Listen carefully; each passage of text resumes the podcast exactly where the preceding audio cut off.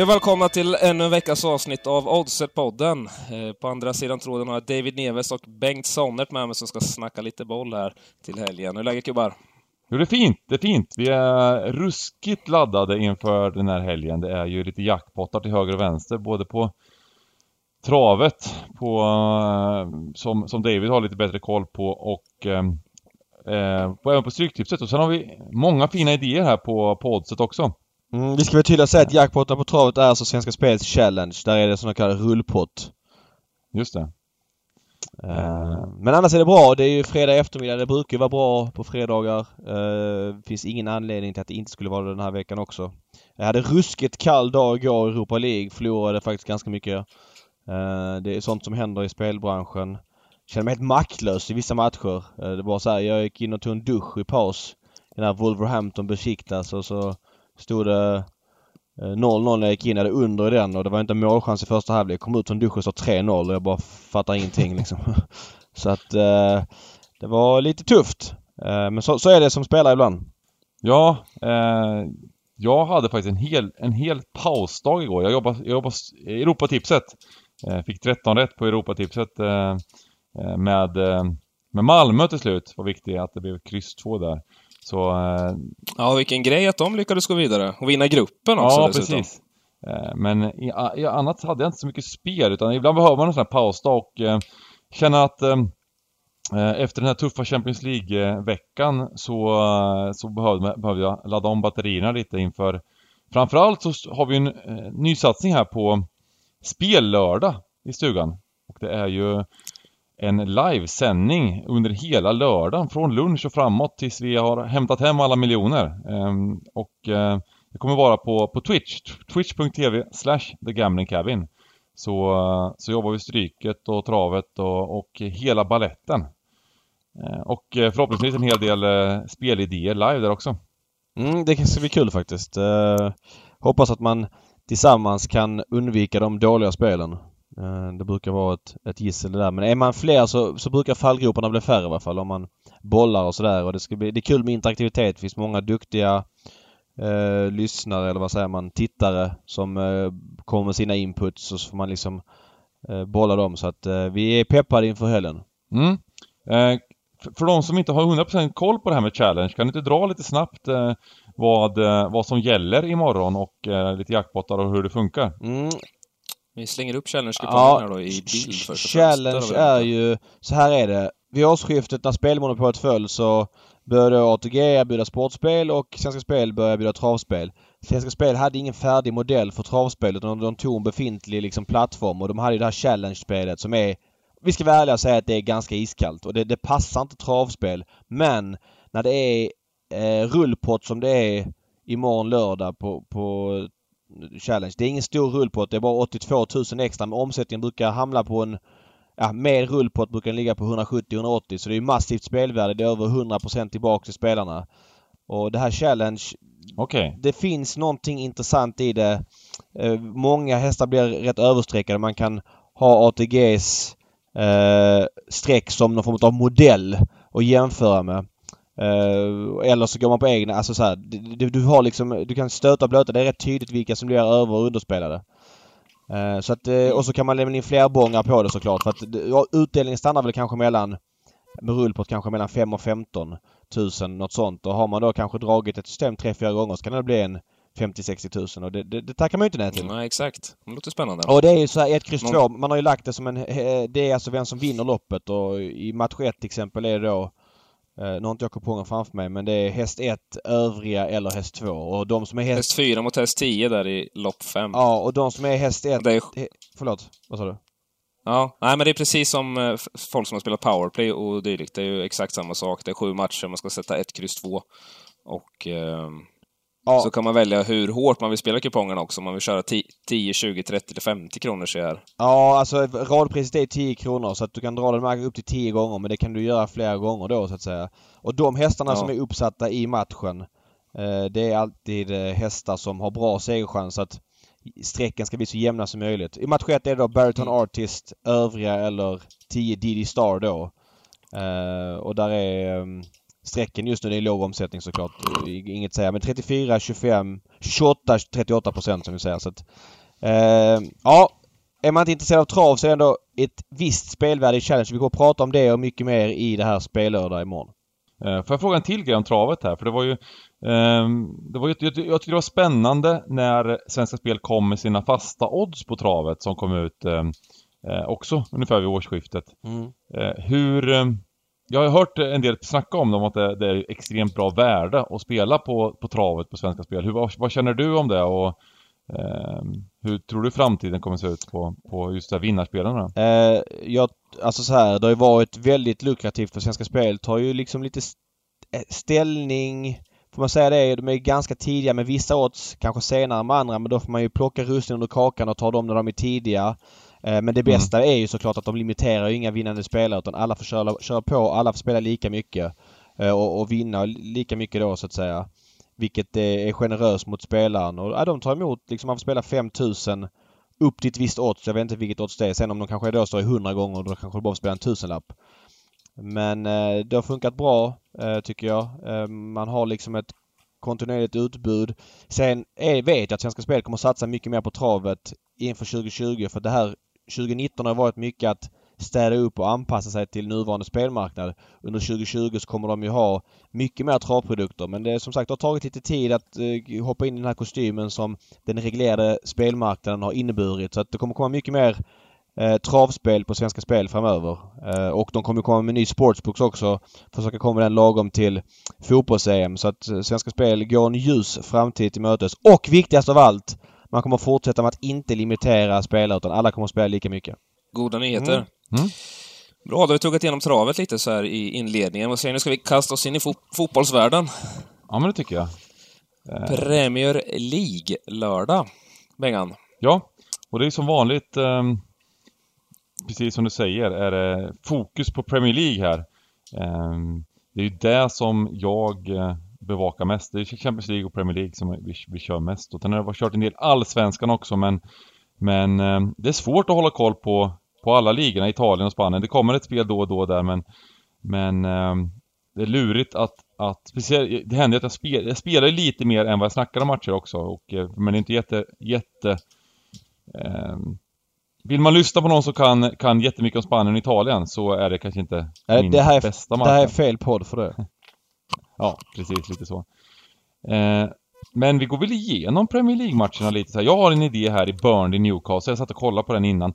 Och eh, man kan ju tycka i första anblicken här och det tror jag många, många kommer tycka, tycka lite att, att det är lite pressat odds på Burnley som har tre raka förluster och inte, och inte spelat eh, speciellt bra fotboll på slutet.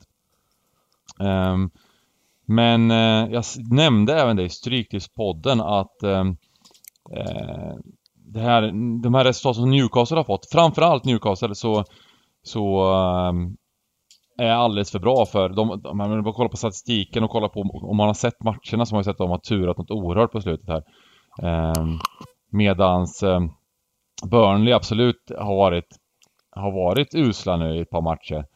Uh, men jag tror att det här är ett bra läge att sluta tillbaka. De kommer nog, det, det, det är lite så här, matcherna innan har varit lite tuffare. Det var City och det var Spurs. Eh, och den här är ju en väldigt, väldigt viktig match för dem såklart, eh, hemma mot Newcastle och, och eh, det har kanske varit lite mer fokus på den matchen. Eh, med han eh, Sankt Maximin som har varit väldigt bra. Eh, han är skadad nu och han har varit väldigt viktig i Newcastles omställningsspel och, och eh, och eh, med honom out så känns det ännu starkare på, på hemmalaget här. Och hade det varit den här matchen innan de här tre, tre, tre, tre kalla resultaten så hade Burnley stått lägre. Det, det har jag liksom ingen tvekan på att det skulle vara. Jag vet, de, stod, stod ju ungefär de här oddsen mot, mot, mot, mot bättre lag än Newcastle. Eh, så att eh, jag tittar mot 2.02 här på Svenska Spel på rak etta känner jag att eh, eh, det är eh, bra odds och eh, kör ett klick på den. Eh, ja, jag, jag blev bara lite nyfiken när du sa Newcastles insatser fram och tillbaka, så jag gick in på ehm, eh, den här eh, expected-sidan, understat, och mm. kolla expected points, och då ligger faktiskt Newcastle eh, sist i tabellen. Ja. Och kolla på expected points där, med 11 inspelade poäng, eh, men i, i verkligheten har de 22 inspelade poäng. Precis, de har, de har, ju, de har ju haft någon, något oerhört flyt och det har man ju även sett på deras matcher när man har tittat så är det, är det ju eh, det, det, har funkat också på något sätt det här kontringsspelet liksom. Och det, det tror jag att han, Saint Maximen, har varit viktig och eh, Men sen är ju, är ju, är ju deras eh, bästa back, Lasells, eller Lacazelles eller vad, nej Lacazelles heter han inte, Lasells skulle jag vilja säga.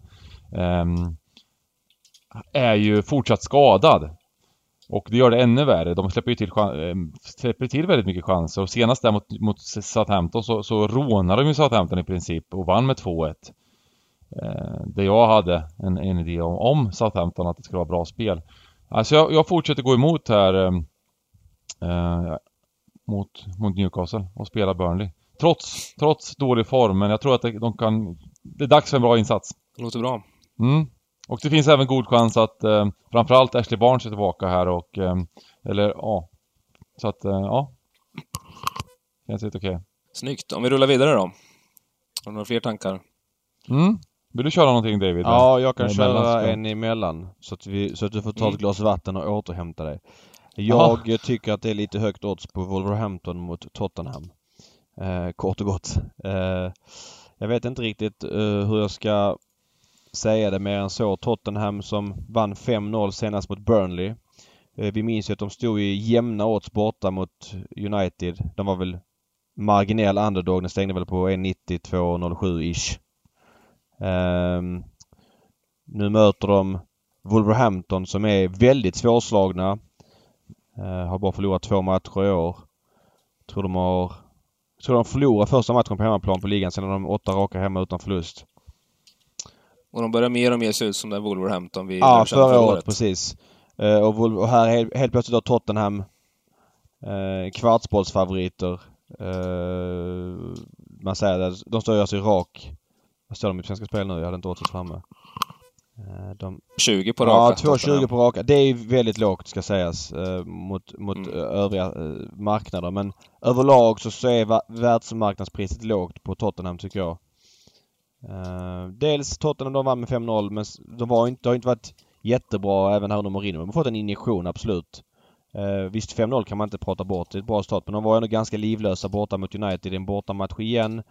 Uh, Wolverhampton är som sagt svårslagna. Uh, visst, nu roterade Mourinho mycket nere i München så den matchen kan man nog mest glömma för Tottenhams skull. Samma sak gjorde faktiskt Wolverhampton igår i den matchen mot Besiktas. Eh, visserligen startade både Neves och Moutinho men Neves spelade i 56, min namne för övrigt, 56 minuter. Eh, och Moutinho spelade 70. Eh, och Jota som hoppade in och gjorde tre snabba mål medan jag duschade Hoppade in i, för, för Neves i 56. Så det var ingen av de superkidna som spelade spelat mycket. Och jag ska säga det, den matchen spelades i väldigt lågt tempo. Det var liksom eh, inte så mycket att spela för egentligen. Det var en gruppseger för Wolverhamptons del. Besiktas var redan utslagna.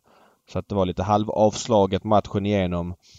Nej, jag känner bara att det är lite högt på, på Wolverhampton här. Jag... Ja, dess, dessutom så var det en hemmamatch och den här matchen spelas ju på söndag klockan Ja, 10. exakt. Så det är ingen resa till eh, som alltid är ett plus. Så att jag tycker det är lite högt på Wolverhampton här och eh, kniper dem. Sen ska spela väl plus en halv eh, 1,80 eller 1,73 va? Mm, eh, det bra. dessutom står sig väldigt bra mot eh, övriga sajter. Det är faktiskt högst tror jag. Eh, jo, det är ja, högst. det stämmer. Så att, eh, Både det spelet och nollbollen till 2.44 är också jättebra odds på. Um, så att 2.44 nollbollen är nästan ännu. Oj, 2.44 är jätte, jättebra. Mm. Ja, så att uh, båda, de, båda de spelen är, är höga i odds också jämfört med andra sajter. Så att, så att uh, det känns, känns Eh, Känns som ett dubbelklick. Ja, och ja, nu så är det ingen som sitter och lyssnar på det här live från Svenska Spel och livesänker så att nu hinner vi ut med podden innan eh, de är där och, och, och slaktar åt sig själva. Om inte Bengan sitter och maxar på andra sidan. Ja, ja. Det, det, är... Um...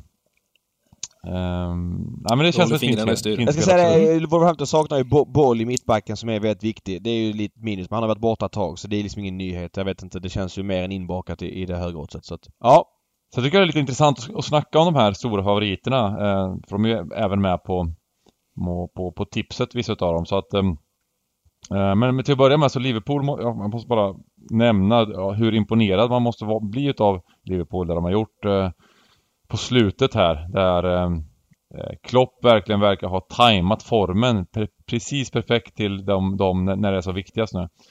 Eh, och lyckas gå på liksom lite lite halvfart under hösten skulle man kunna säga och ändå vinna varje match. och sen nu spelar de väldigt bra fotboll de senaste matcherna. Eh, men nu är det alltså, ska de spela fem competitions närmaste månaden. Eh, de ska spela FA-cupen, ligacupen, eh, Premier League, Champions League och den här VM för klubbfotboll. Så att det, frågan är hur mycket jag tror att den här matchen mot Watford i alla fall det är väldigt låga odds på Liverpool, det ska vara väldigt låga odds på Liverpool Men skulle det vara så att eh, vi ser en kraftig rotering återigen för att de behöver vila, då, då kommer det nog kunna vara ett fint läge. Så att vänta in lagen där, så kan man vara ett, kanske ett fint läge att spela något slags handikapp på, på Watford i sådana fall. Eh, just nu så tror jag, om de spelar med bra lag, vilket det, det, det troligt att de gör, så tror jag att Liverpool vinner det här ganska komfortabelt. Och jag läser as we speak nu eh, samtidigt på Twitter live att Jürgen Klopp har förlängt kontraktet med Liverpool till 2024. Eh, jag, jag, spekulerade faktiskt i, med tanke på att eh, Gerard fick förlängt idag också. Eh, ja exakt, liksom ja i Glasgow Rangers, det stämmer. Att eh, det, det, är väl, det är väl ganska troligt att efter, efter Klopps era i Liverpool eh, när, kommer han. Då kommer, väl, då kommer de säkert hämta Gerard. Så att, eh, ja, 2024 får vi vänta till då. ja. Finns det något spel på det? Ja, det, ja att, att det dröjer så länge. Det brukar ju alltid vara så att Eh, det kommer kanske en, en kall period om några år eller någonting för Liverpool och då så, då så kanske de, de väljer då part ways. Det, brukar, det har ju varit så då, ganska, under ganska... Det är egentligen Wenger och Ferguson som har fått, fått vara kvar hur länge de vill i, i en klubb. Men sen är det inte så mycket eh, lojalitet från klubbledningens sida längre. Utan, eh... ja, det är fascinerande hur det vänder, hur man ser på tränare liksom. Mm. Man kan, eh, ja men som eh, Mourinho när han, när han var som störst och sen hur man ser på en liten nu och sådär. Och andra tränare. Ja. Nej men det blir ju en marknad också. Det är ju... Eh, det är ju inte dåligt för tränarna heller på något sätt. För de får, de får det här avgångsvederlaget på treårslön och, och, och soppa i fickan och så vidare. Så att det är så oerhört stora ja, summor som det handlar om. Så att mm. eh, ja, det har blivit mycket kortsiktigare. Mycket kortsiktigare liksom eh, lösningar och så vidare. Så att eh, Ja, jag vet inte, det, det, är väl, eh, det har väl diskuterats så mycket i andra forum det där liksom om, det är samma sak med spelare också såklart. Eh, men i alla fall, kolla lite på lagen där i Watford, i Liverpool-Watford. Eh, och kanske komma in på något plushandikapp om det skulle vara så att de, de roterar kraftigt i Liverpool, vilket det finns en möjlighet till i alla fall. Då kommer vi följa live-live på lördag. Ja, det kör vi på live, precis. Det kommer vi följa streamen också, när lagen kommer ut. Eh, sen vill jag kommentera här Leicester Norwich. Där har jag faktiskt en spelidé också. Och jag, jag eh, är lite inne på det. Det låter ju rätt, rätt så sjukt men men att spela någon slags plushandikapp. Det är plus 2,5 mål på Norwich till 1,55. Um, ehm, och där, då får man alltså... Det, det är ju... Det, det, är lite sjukt att gå emot lag som Leicester som har bara slaktat allting nu och vunnit med tre bollar varenda match ungefär. Um, nio raka vinster. Och jag tror förstås att de vinner den här matchen också.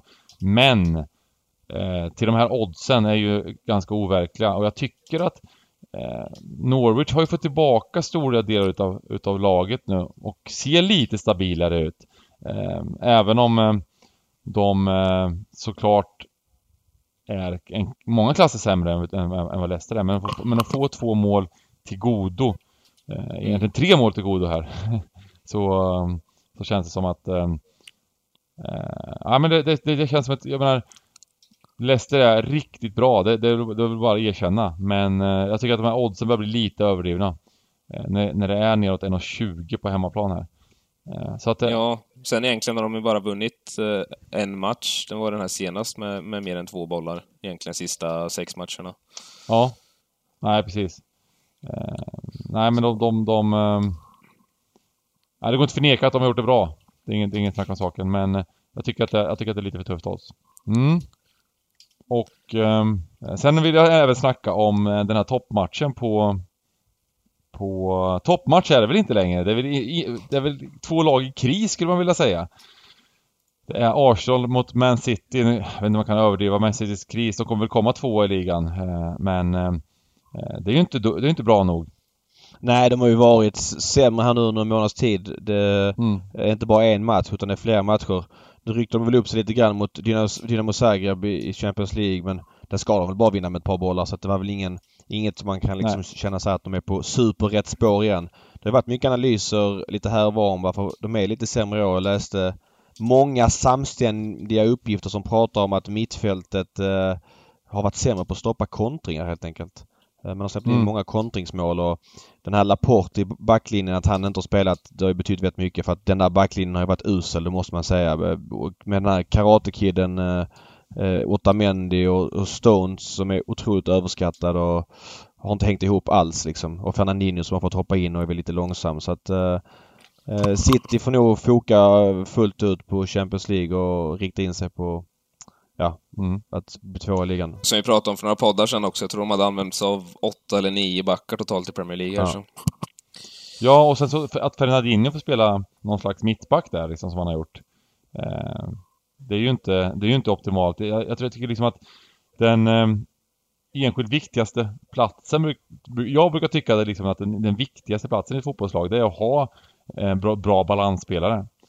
Eh, och som, som, som är de här de här, den här Kanté-rollen som jag, som jag, jag älskar ju Kanté. Din, din favoritspelare? Ja, lite så.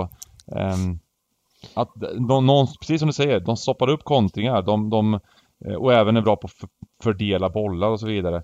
Uh, och um, man ser liksom ett, ett helt annat um, det, det, är helt andra lag när de har bra balansspelare. Blir, att vinna mittfältet blir så oerhört viktigt. Det är samma, som... jag tycker att Spurs har haft lite samma problem där under, under hösten. De har förlorat mittfältet mot extremt många lag. Eh, och det har gjort att det sett fruktansvärt dåligt ut. Sen har de ändå vunnit en hel del matcher på grund av att de har så bra anfall med Son och Kane och så vidare. Eh, men men det, det har absolut varit eh, till stor del Citys problem också.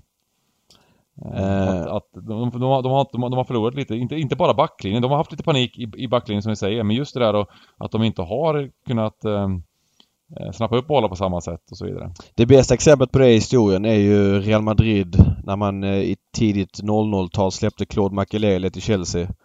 Eh, mm. Som var väl, ja, jag vet inte om det var 00-talets bästa spelare på den positionen men en av dem var i alla fall. Uh, och rasade ihop fullständigt under några år där i Real Madrid medan uh, han var väl typ, ja, bäst i Chelsea kanske under ett par säsonger där. Mm. Uh, runt 03, 04, 05 och så vidare så att, um, ja. Ja, visst. Nej men det, det, det byggs lite från, från såna, den positionen fotbollslag ofta så att är det någon svaghet där i City? Och då, då säger vi så här då. Vad är spelidén då? Jo, om man kollar på Arsenal så eh, Freddys gäng, det blir, de, de gillar att eh, både göra och släppa in mål. Och jag tycker att det är intressant här på ett överspel. Jag tror att det, det här kan bli eh, öppna, öppna dammluckor. Eh, det... Över 3,5 mål, 1,86. Ja, det tycker alla andra också eh, i den här matchen. Mm. Men jag håller faktiskt med dig. Det känns som enormt mycket free scoring i den här matchen. Dels City, Citys backlinje. Men alltså Arsenal framåt nu när eh, Özil verkar spela igen och PP kommer in som, som tillför väldigt mycket offensivt. Alltså han, han har haft ett par riktigt vassa avslut. Jag har inte sett Arsenal i varje match. Han har väl säkert varit dålig. Det är väl därför han inte har fått spela så mycket. Men avslutsmässigt tycker jag att han har enorm kvalitet. Och Eh, den matchen, det känns som att den kan sluta 3-5 eller någonting. ja, och alltså, ibland så är det så att man, man har fel vad gäller överspel för att det kan bli... Det, det är lag som har varit väldigt offensiva men, men det blir taktiskt spel och så vidare. Men jag ser liksom inte de här spelarna som spelar, framförallt kanske i Arsenal, Um, att det blir något annat än öppet. Det, det, det, är så, det har varit så rörigt i försvaret och det har varit starkt framåt och så vidare. Så um, Uh, att det ska komma stora förändringar, att de ska kunna göra en, en att Freddy ska komma, kunna komma in och uh, göra någon slags uh, supertaktisk defensiv förändring här som gör att de, de stänger ner City. Jag, jag, jag ser liksom inte det. Nej, och sen så känns det lite som i City med att nu när ja, titeln får man väl nästan se som förlorad när man så många poäng efter, att det är lite fuck it, let's go. Ja. Ut och ha kul, göra mycket mål. Ja men, ja, men precis, de måste ju vinna den här matchen. De måste ju vinna alla matcher som är kvar i princip City. Ja men de kan, ju, de kan ju eh, bara spela på ett sätt City ju. De, de spelar mm. ju på sitt sätt. Det är att ha bollen, hög press och, och, så vidare. De kan liksom inte börja backa hem och ligga på kontring eh, och sånt där liksom. Utan det kommer bli eh, Hawaii. Det kan bli en riktigt underhållande match faktiskt. Jag gillar inte att spela de här och... tuffa överlinjerna egentligen när det är så att uppenbart att alla vet om det. Men här känns det verkligen som att ja, det är klar favorit på, på över. Det är verkligen min känsla också. Mm. Och eh, även om det är tufft odds så jag tror nästan det skulle kunna vara så att det, att det blir ännu tuffare odds i den här matchen. Jag vet inte. Eh, vi får se lite vad som händer men, men just det här faktorn att jag tror inte att Ljungberg kommer göra speciellt stora förändringar, def, eh, något taktiskt liksom utan utan eh, det är ju viktigt hur, hur det lite sämre laget ställer upp och jag tror att det kommer bli anfall och bästa försvar vilket har varit alla matcher som, som, som, som Arsenal har spelat hittills. Ja, alltså det, det, det, det är överspelet också. Mm, klickar vi. Och eh, du hade något eh, spel till dig? Jag bara tyckte att det var mm. lite högt odds på United Everton över 2,5.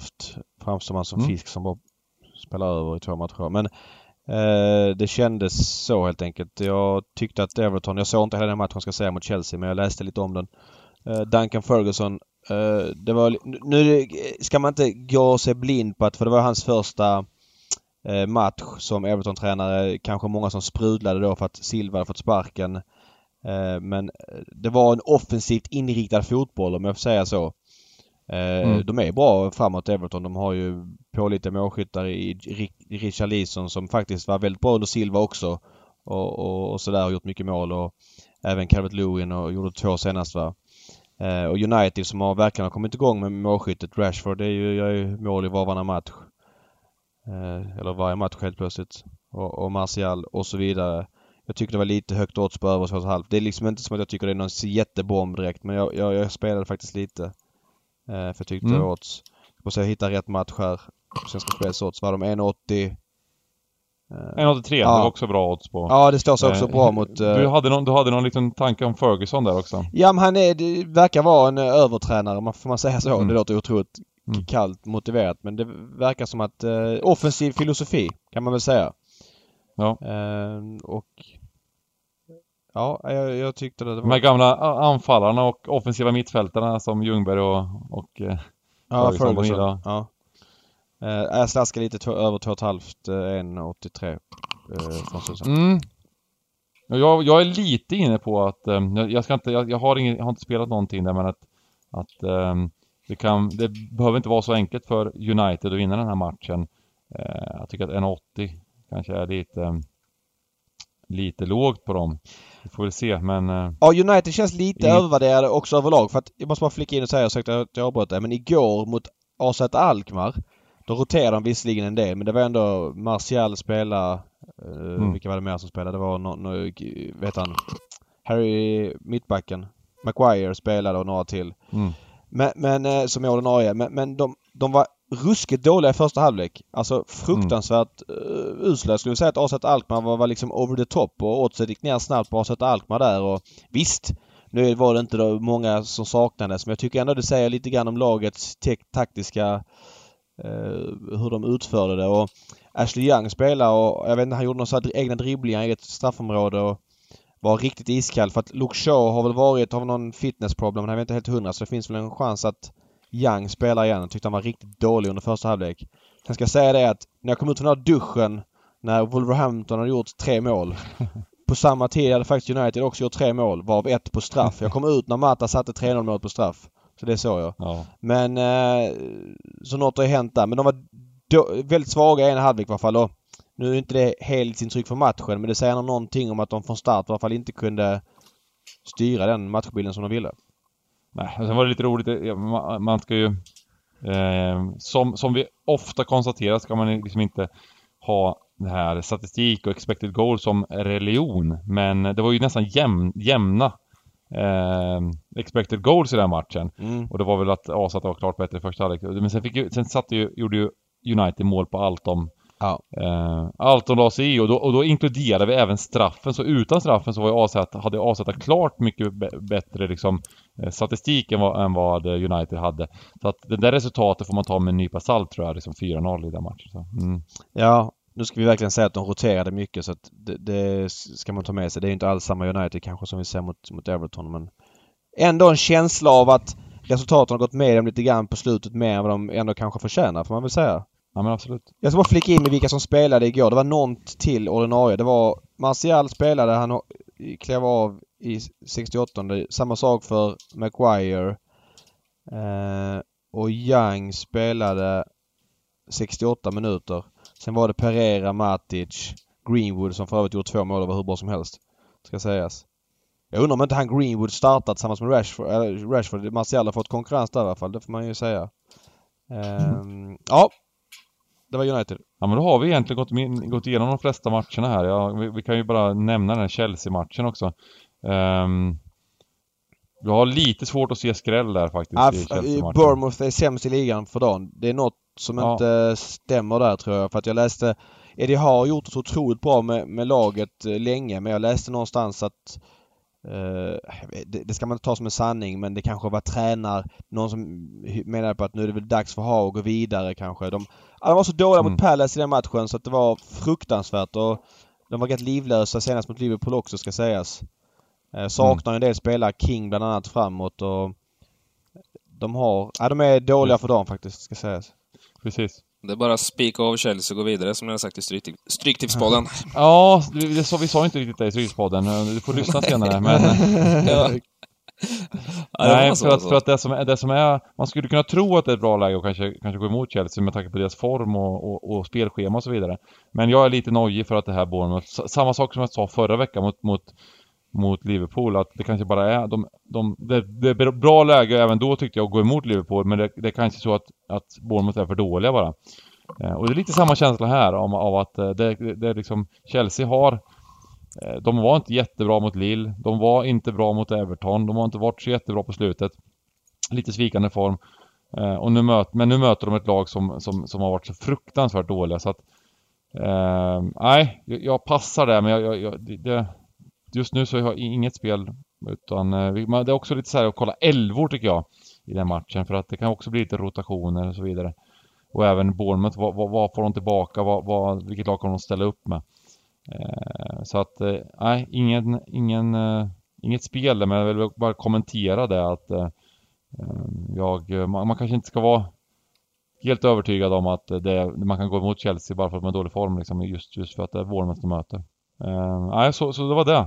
Uh, egentligen, vad, vad, kör vi hockey nu? Eller vad säger ni? Ja, nej, vi skulle kunna baka in... Uh, jag, har två, två tankar som man skulle kunna spela egentligen på hockeyn där. Uh, det är ju uppehåll i SHL du hade ju en fotboll, till... Du hade en fotbollsidé också ja, som vi snackade om innan. Ja, en riktig klaring ja, i Italien. Idé. En, ja, en klaring i Italien. Nej, men det var en kompis som hade läst på... Han, eh, han sitter ju och grottar ner sig på olika spelsidor till höger och vänster här, så han eh, skrev till mig att, om ett högt odds. Och det var ju matchen mellan Genoa, eh, Genoa och Sampdoria här i eh, Serie A, mm. eh, imorgon kväll 2044. Och det var draw bet på Sampdoria som står i 1,98 här. Mm. Och eh, det stod så extremt bra jämfört med eh, övriga Visions sidor. Visions bomb stod... i Italien, fan vad fint. Och... Visions bomb i Italien. Jag kan ingenting om italiensk fotboll. Men det här är ett bra spel. Ja. Vad sa du? Nej, skämt åsido, men... 1,98? 1,98 Dronobet. Ja, det är nog bra mot övriga EU-sajter, men det är inte så bra mot världsmarknad eh, sådär. Eh, men, okay. men eh, det är värt att ta, lyssna på då. De saknar ju lite spelare. Um, vad de saknar spelare? Genoa uh, sådär, men det gör i och för sig Sampdoria också. Jag såg Sampdoria mot Cagliari, den 4-3 matchen. Det var kanske en av årets mest underhållande matcher. Uh, free scoring var det i den. Det är ungefär... Mm, det, det är gamla Leicester-tränaren som... Uh... Ja, Claudio Ranieri som har Sampdoria. Kör de det va? Men jag följer inte dem, någon av dem när, så speciellt nära så jag kan inte yttra mig faktiskt. Men jag, ja, det är ju notera vad du sa. Mm. Ja, värt att hålla utkik efter. Mm. Ni som kan italiensk fotboll eh, bättre än mig här kan ju i alla fall kika upp oddset, göra en egen analys och sen eh, se om det är spelvärt. Några tips i alla fall. Mm. Eh, det jag har kikat lite på är mitt kära Sabres som imorgon spelar borta mot New York Islanders. Och jag tror att det kommer bli väldigt tufft, eh, denna bortamatch. Islanders har varit extremt, extremt starka hemma. För det första har 12 segrar eh, på, på 15 matcher. Eh, varav en av dem gått till övertid också, som egentligen bara torskat 2 av 15 hemma. Eh, jag tror inte att eh, den här matchupen eh, passar Buffalo speciellt bra, utan de gillar att spela målrika matcher när, det, när svängdörrarna öppna och Islanders är fruktansvärt bra defensivt sett och bra på att stänga ner och eh, vända spelet snabbt. Eh, och har tvålat dit några riktigt bra lag här på sista tiden, både Florida och Tampa Bay och jag tror bara att Islanders vinner den här tillräckligt ofta för att det ska vara spelvärt med 1,94 på raka. Så den klipper jag. Och den här matchen spelas alltså 19.00 lördag kväll. Perfekt att avsluta streamen med här med en riktig... Jag måste säga, jag såg ju den här matchen i Globen mellan Buffalo och Tampa Bay. Jag har, ja. kan ju ingenting om, alltså jag har ju följt NHL tidigare så jag kan ju namnen på spelarna men Viktor Olofsson, fan vad bra han var! Ja. Sjukt bra! Ja, alltså, jag har aldrig hört talas om honom. Jag visste ju att han låg i toppen av poängligan bland svenska NHL så, här, så jag hade ju lite öga på honom. Han var ja. sjukt bra matchen igenom. Ja, ja. ja men, det, men det här är ju hans första ja. säsong i NHL med, så han har ju verkligen eh, gjort bra ifrån sig. Han kommer nog bli väl, välbetald efter den här säsongen. Man får fortsätta pumpa på och spela med den omgivningen. Ja. Man får ju spela med Jack Eichel och eh, Sam Reinhardt där i första linan. Han har egentligen fått hoppa in i den positionen som eh, eh Jeff Skinner hade förra året. Okay. Eh, det var ju egentligen den linen som bar Buffalo helt och hållet eh, förra året. Och Skinner gjorde ju 40 mål där. Han Eichel, han har väl gjort mål i så här 12 eller 15 matcher i rad? Jag tror han har poäng i 15 raka matcher ja, i alla fall. Starkt. Ja, alltså han är riktigt, riktigt stekigt. Eh, det är väl det som talar emot spelet där, mot Islanders. Men, eh, nej, jag tycker det är ett bra spel i alla fall. Mm. Det andra spelet jag har är um, lite senare, där vid 22-tiden, så spelar Calgary mot Carolina. Eh, och där har istället Calgary gått som tåget sista tiden. De sparkar ju tränaren eh, eh, Bill Peters för tre veckor sedan, skulle jag säga, utan någon specifik tidsram sådär, för ehm, eh, vad ska man säga, abuse. Han har sparkat och slagit på spelare genom åren, har kommit fram här nu och använt rasistiska kommentarer och så Oj. vidare. Så, så han fick dojan det är flera spelare som har trätt fram och vittnat om att han uh, har ett präkt, präkt, präktärsle. Jäklar. Ja, så äh, det, blås, det blåser som fan i NHL. Det var en till tränare som blev sparkad nu. Äh... Men det är bra att det kommer fram de här grejerna i alla fall. För jag menar, det ja. har varit under många, alltså tiotals år då, det har, det har liksom, ingen säger någonting. Nej, alltså det har ju varit ganska, överlag så är det ju ganska hård kultur i hockeyn. Det har varit ganska hård kultur liksom. Mm. Men äh, jag kan ju bara tänka mig det var back in the days liksom. Men då var det ju mera normalt på något sätt att så här är det. Ja, ja visst. Eh, just det här med det hårda och liksom, jag kan ju bara tänka mig de gjorde Eh, tidigt i Kanada och Sovjetunionen liksom och spelarna de blev väl totalt slaktade liksom om de inte sprang eller gjorde som tränaren Ja, men, men det har kommit fram grejer som man tycker är ganska sjukt nu för tiden eh, när man, med, som du säger, alltså slåss och gallningar och allt vad, vad det var liksom förr i tiden. Alltså riktigt sjuka saker som händer i, inom sporten då som man, som, man, som man inte tror liksom. Ja men det är väl en eh. förlängning av hela metoo-rörelsen liksom. Alltså riktigt, vad ska man säga, sunkigt beteende eh, mm. slussas bort och det är väl hur bra som helst. Alltså, ja, verkligen. Jag, hade, när jag, spelade, jag spelade hockey MIF eh, 85orna. Med Kalle Söderberg för övrigt spelade jag. Som spelar i Arizona mm. nu spelat många år i NHL. Uh-huh. Sen så när eh, jag liksom kände vid 15-16 års ålder att jag, det var dags att trappa ner så bytte jag klubb till Limhamn. Eh, jag, var, jag fick spela kvar i MIF men jag var inte tillräckligt bra för att spela mycket och det blev elitsatsning och så vidare. Så jag, jag spelade Limhamn där och, och, tyckte att jag var lite king. Jag hade en tränare där. Han, han, skrek Alltså något så kopiöst hela tiden och en match mötte vi Gladsaxe borta, kommer jag ihåg, mot Danmark. Då bara drämde han sin näve mm. rakt i huvudet på mig med hjälmen för att jag gnällde efter ett byte eller någonting. Och så sa han NU FOR DET VARA NOG! Skrek han. Alltså slog mig hårt. Alltså så här, och när man har en hockeyhjälm på sig och får ett slag så följer liksom hela huvudet med. Och det var liksom ja. bara någonting man accepterade på den tiden. Uh, mm. Ja, det är väldigt sjukt. Sånt sunkigt. Jag kanske förtjänar en utskällning, det säger ingenting om för att jag gnällde efter ett byte. Men, Nej, men, men det där är ju bara ja, sjukt alltså. sånt sunkigt beteende ska ju bara bort. Ja. Hur, nej, hur behandlar du dina få... spelare timman i TV-lagen? Det blir ett par, ett par knytnävar och, eh, och eh, gallningar där i, i, i pausen. Det ser dåligt Ja, någon lavett eller två, det får man ju dela ut. det hör ju till saken. Nej, men jag har faktiskt en ganska sjuk historia. Jag är nog en av få som har blivit bänkad på träning. Jaha. Ja, det var en ganska fin historia. Eh, det snurrar ganska friskt i mitt huvud då, för jag har varit med om ja, många personliga saker. Om man säger, så här, farmar går bort och lite grejer. Så, så det snurrar bra i skallen, men jag skulle ändå ner och träna liksom, för man brann ju för hockeyn. Eh, så var första året som jag var med i A-laget, så jag var väl 17 år tror jag. 17 eller 18.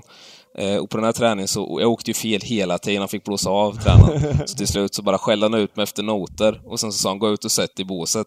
Vi kan sitta där i, i 20 minuter och skämmas. Du fick, ett, du fick en 20 minuter i, på träning? Ja, jag fick sitta där ensam ute i båset. Vad var spelidén här i Calgary, Carolina? Det missade vi helt.